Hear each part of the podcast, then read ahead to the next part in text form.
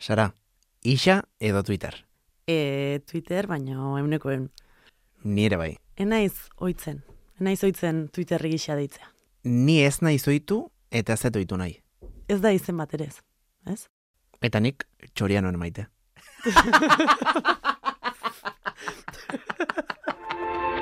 Ba, grabatzen. Em, Bai, bai. Here's some information. zu kafe hartzen duzu, ez? Bai. Eta gero kuki batzuk ero txeko ditugu nengo supermerkatuan. Nik aukeran kafea. Ostras, kukiak eta kafea ziona kongoa.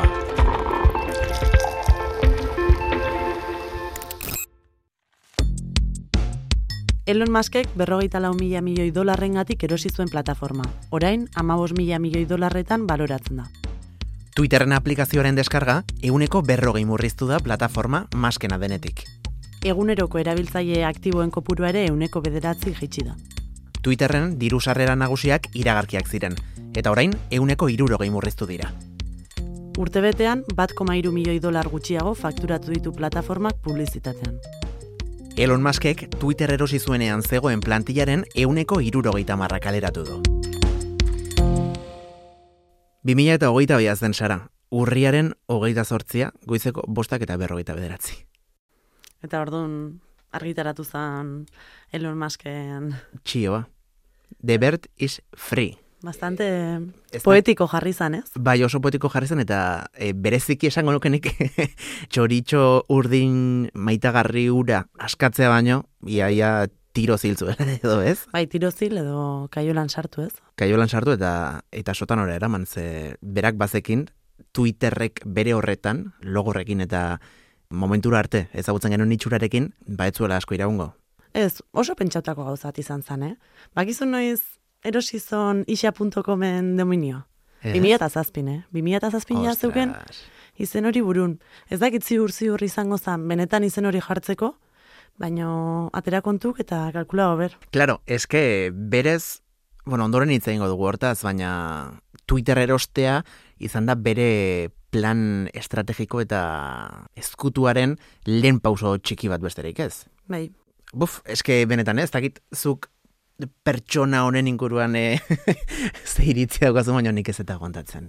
Osea, nazka undia ematen dite Elon Muskek. bueno, bai, nei behitu, grazi gutxi intziten logo aldatzek. Ze ia esan, ba, zakit, ustaien izan zen, eta olako baten, ba, mobilen hasi nintzen beira, aber Twitterren nun dauketen, ze nik ez dut bezain beste erabiltzen Twitter, baina noiz behin sartzen naiz, eta gustatzen zait begiratzea, baina hasi nintzen esaten nuen, nun da Twitter eta Twitter? Eta ez zion, eta aplikazio guzti, baina banan-banan nola, eh? goitik bera, eta erun topatzen, eta olako baten, isa, zer da hau? Nuen, ze deskargau denik, eta ze deskargau denik nahi gabe jakin gabe zein nintzen deskargatzen. Eske izena bera bada pixkat e, Bai. susmagarria. Hasi nintzen pentsatzen gauza harrarok. Isakin, ba, bueno, bakoitzak pentsa dezala pentsa nahi duena, baina nik esan nun, ze deskargau denik. Txoria oso xaloa zan. Txoria zen lo más gainera, bere mm, notifikazioen soinu ere oso politia zen. Kurioso da ere Elon Muskek zer egin don algoritmoakin. Ze ze zentzutan? Kontua da, ba, bueno, bea jundane jendeak kaleratzen, Mhm. pertsona horiek jundie informazioa botatzen, hortik ez? Ba, Elon Musken intentzio zeintzu ziren, eta, bueno, ze gauza egiten zitun, bere favorerako. Ze, azpimarratuko dugu, bertan geratu diren guztiek sinatu dute konfidentzialtasun kontratu bat orduan, ezin Bai. dute, ez zer esan. Baina, bueno, botatzen dituzten horiek, esaten dute beste ordez.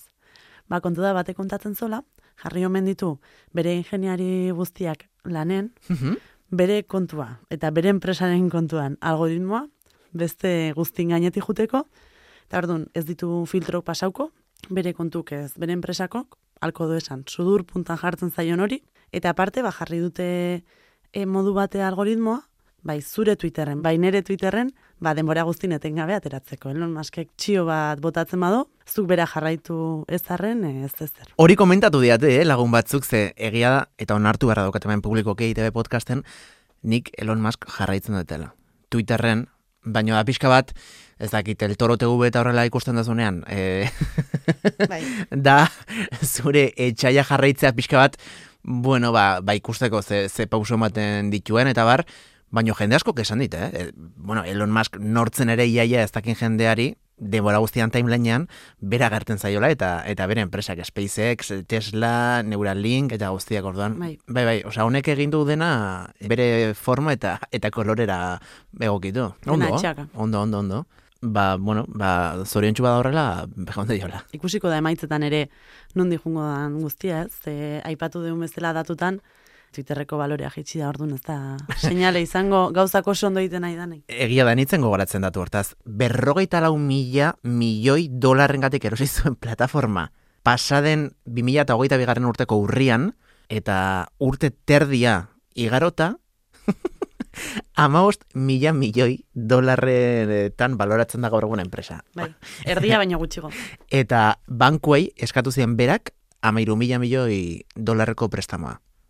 Orduan, ia-ia, gaur egun balio du berak eh, eskatu zuen prestamoa. Bai. Baina, hau ere, aztertzekoa da, ze behin irakurri nuen nola oso oso jende gutxik lortu duen historian zehar hainbeste diru balio duen enpresa bat, hain demora gutxian infravaloratzea eta lurretik eh, botatzea, eh? Eta bueno, diru kontuak aipatuta, verifikazioa. Mm, Sara Lanz, nik ikusi dut, gaur, guizean, ez dagoela verifikatua.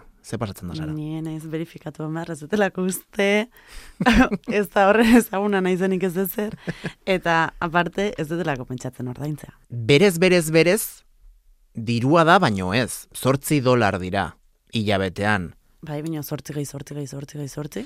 Bai, dirua da, baina... Eta ez dauket behar hori. Zertako paga hori, zertako eman dirua Elon Muski, eta verifikatu egon. Gainera, nein nire txemakarrik ezautzen jate, orduan, ze beharrekin ez.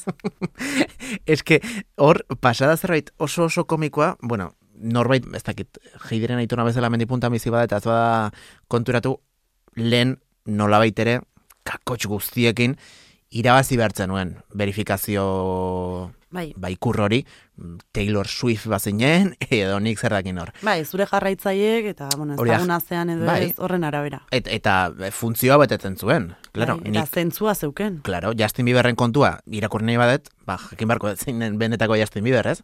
Ba, bueno, horretarako balio zuen guztionek, kontua da, bueno, dena berak eh, hankazgora jarri zuela, eta hiru verifikazio mota sortu zituen. Bata urdina, pertsona norbanakoentzako, bestea grisa, udalentzat, e, erakundeentzat, ONG-entzat eta horrelako entitateentzat eta enpresentzako sortu zuen urrekolorekoa. Zugetanik erosi genezakeenak zortzi dolar balio ditu. Baina demagun enpresa bat daukagula, kuki eta kafea deitzen dena. Vale. Eta nahi dugu verifikatu enpresa moduan urrekoloreko verifikazio ikur horrekin, badakizu zenbat ordaindu behar dugun hilabetero? Zenbat. Mila dolar. Ba, enpresak hundaike oso ondo, baina E, fua, eske- nire iruditzen zait, ze behar. ze behar, Hortan dirua gastatzeko, ez? ze behar. Eta guzti hau gainera, klaro, bisibilitate gehiago daukazu, ordaintzen badezu, zure mm, jarraitzaileak eta jarritzen ez zaituztenek lehenago ikusiko dituzte zure txioak, eta bar, eta bar, baina hasieran justu, bueno, ulumediako iztetxean esan zidan, e, oier arantzabal zuzendariak esan zidan, ah, ba, igual verifikatuko dugu enpresako kontua, e, pixkat, bueno, ba, kokatzeko, ez? Bai. oraindik dena berria zenean, eta sartu ginen, eta ikusi genuenean prezio hori. Esan genuen, wow. Eta hasieran egia da, inor etzela verifikatzen Twitterren, baina pixkanaka, pixkanaka, gaur egun jende asko dago verifikatuta, Bai, baina bastante klasista da hori ez. da superklasista, eta batez ere, super, ez dakit nola esan, hitz itxusirik gabe, baina Euskal Herrian, nik ez txiolari famatu hoietatik inor ikusi verifikatuta, zen nola ere, zure Twitterreko kontua verifikatzea da, Elon Musken atzaparretan erortzea, eta friki nerd baten, ez dakit, kontu moduan dago ikusita esango nuke. Bai, eta verifikazioak gora eta bera, Mhm. ospetsu askok galdu zuten ba behaien verifikazioa Mhm. ordaintzen ez bazeren, Bai. baino Elon Musk, aida, hiru ospetsuk verifikazio hori ez galtzeko ordaintzen. Ah, bai? Eta guzti hori baina bakizu zatik, Zatek? bera kritika bin zutelako. Orduan, ez dakit, nahi, iritu zait oso. Ez- ze- kuriosoa. Ze famatu dira? Ba, LeBron James, NBA-ko jokalaria, William Shatner, aktorea, eta Stephen King idazlea. hauek hori kritika bintzuten, eta horretik idea Elon Musk hauen Twitterreko verifikazioa ordaintzen. Nik Gainera- ikusi nun zara, barkatu, eh, Bai, moz- esan, moztea, esan. baina ez dakit zein famatu zen. Eske, hainbeste goza gertatu ziren hain demora gutxian, aktore eta eta artista askok zuk esan duzu modon, erabaki zuten ez ordaintzea. Verifikazio hori, ba Elon Musken politiken aurka zegoelako. Eta eta egon ziren e, fan klub pila bat crowdfundingak egiten hasi zirenak eta lortu zuten musikariekin ez dakit Lady Gaga, Taylor Swift, hauetako artistez, eh, ari naiz. Hasi ziren biltzen urtebetean beraien verifikazio kontuak kostatuko lukeena eta artista askorekin lortu zuten. Osa, hau da, herritar xumeak hasi ziren, eh, nik zer dakit, Lady Gagaren zortzi dolarrak ordaintzen crowdfunding ber, baina, bidez. fan batzuk dare pixako. Eske, begira, eh? Ez dakit, nik ez dauket pertsona batekin horren bestako obsesioa pertsona horri e, Twitterreko verifikazioa dela e, Hombre. crowdfunding baten dirua emateko. Azteko.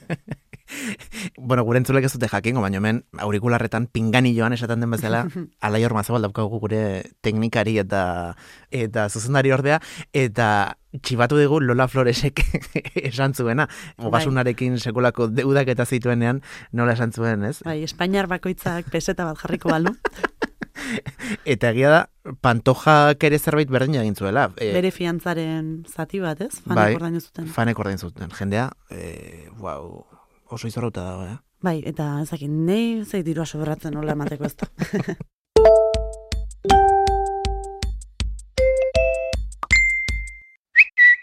Twitter isa bilakatzen da momentu hortan, alternatibak ateratzen dire. Eta hoien artean mastodon da bat, ez, hasier? Bai, berez mastodon existitzen zen, Elon Muskek eh, Twitter erosi aurretik, baina sekolako indarra hartu zuen, bereziki... Bai, ni kontua sortu nun, pixkatola Bai, kotiatzeko. nik ere bai, eta egia da Euskal Komunitatean badagoela emugimendua, eh? Hala ere, egunekoan portzentaian oso oso jende gutxi dago. Oso ondo dago Mastodon berez plataforma deszentralizatu eta ireki bat delako, Mm. hau da, ez dago enpresa edo erakunde bat horren atzean, erabat librea da, erabat pribatua, zentsurari gabekoa, eta batez ere esan duguna, deszentralizatua. Baina, mm, momentu zeintzat, Ez du ez du lortu, ez du lortu isarekin amaitzea. Bon, nik uste ere ez dela bere asmoa inoiz izan, eh, mastodonena.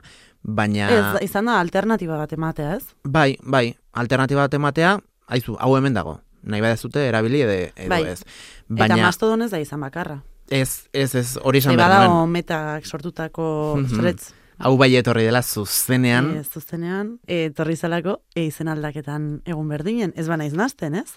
Uztailaren seian, 2008 uztailan seian, aldatzen da Twitter isera, eta sortzen da threads. bai, duela gutxi, nahiko gutxi iritsi da gure gana, Europara, baina egia esan, algoritmoak ez du berdin funtzionatzen. Diseinua Eh. dago fusilatuta, Twitteretek hori bai, baina nire iruditze zait, eta barkatu hitza, mierda bat. Baina hasieran kriston boom izan. Ze hasierako zazpi ordutan, e, amar milioi pertsona arpidetu zien. Ordu, ba, Bai. bueno, hasieran gorak aintzen, baina gero berak ez da. Bai, iaia ez da historian eh, hainbeste mm, erabiltzaile hain demora gutxen lortu dituen sare sozialek egon. Ze, berez, badibidez Instagrameko erabiltzaile garen ontzat errexagoa da. Metaren barruan threads eta Instagram erabiltzea. Ez, ez da, erregistrau behar, zuk ez ez sartu behar. Gainera. kontu berria e, hori erabiltzeko ordu nik nire Instagrameko kontuakin erabili dezaket ere threads. Bai, nik ez dakit zein izan den estrategia, hauena, baina egia esan ez da bat ere erakargarria. Hombre, azkenen inai dutena nik uste baita Instagramekok da, bueno, metak denea iritsi ez. Azkenen behaiek euki baita aukera, ba, Twitterren dan bezala, mezu bialtzeko mikroblogin estilo hori, ere izatea, bueno, lortu izan dute Snapchatetik historik hartu dituztenen, Mhm. lortu izan dute TikTokeko rila jartzen, orduan ba, nahi dute, Seguraski, ba, threads ondo jungo bazan, inkorporauko zuten Instagramen. Dena, ba, dena fusilatu dute. Mezuen Hauek. tokin, ba, jarriko zuten hor, ez zuzenen threadsera bidaltzen dizun pestainatxoa, ez dakit. ba injustu, Sara, honetara dator, edo asmo hori dauka behintzat Elon Muskek izan ere, bueno, Muskek beti esan du, eh? Era ireki batean, WeChat, txinako aplikazioa miresten duela, ezagutzen ez duenan entzat, WeChat da, mm, Everything's App deitzen zaio, den den den dena dagoen aplikazio bat. Hau da, bertan, deiak, bideodeiak, erosketak Amazonen antzera, zure banka onlaina, diru transferentziak, sare sozialak, mikroblogina, den den den den abiltzen duen aplikazio bat da, WeChat. Bai, Elon Muskek baita argitaratu zontxio bat, esaten isa edo zertarako aplikazioa izango zala, horti biderauta da hori ez? Hori da, eta isa berez, bere asmoa ez da Twitter isan bilakatzea, baizik eta Twitter izatea bere super everything's app horren zatitxo bat. Eta zu hasier, Elon Musken horren fana zeala, Fana. gustako zitzaizun berekin kafe bat hartza. Buah, ostras, te galera, eh? Begira, kondizio bakarra jarriko nioke, kafe horri. A ber, esan. Eta da, kafe bat hartuko nukeela, kukekin batera, Elon Muskekin, baina gauza baten truke, Zerren truke. Tesla baten truke. Kuki eta kafea, Ulumediak EITB podcastentzat ekoizten duen lana da.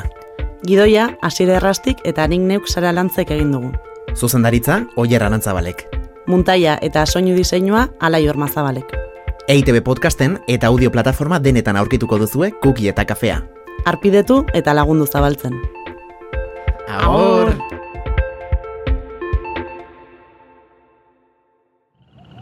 Ei, txt, entzun hori. Ulu Media.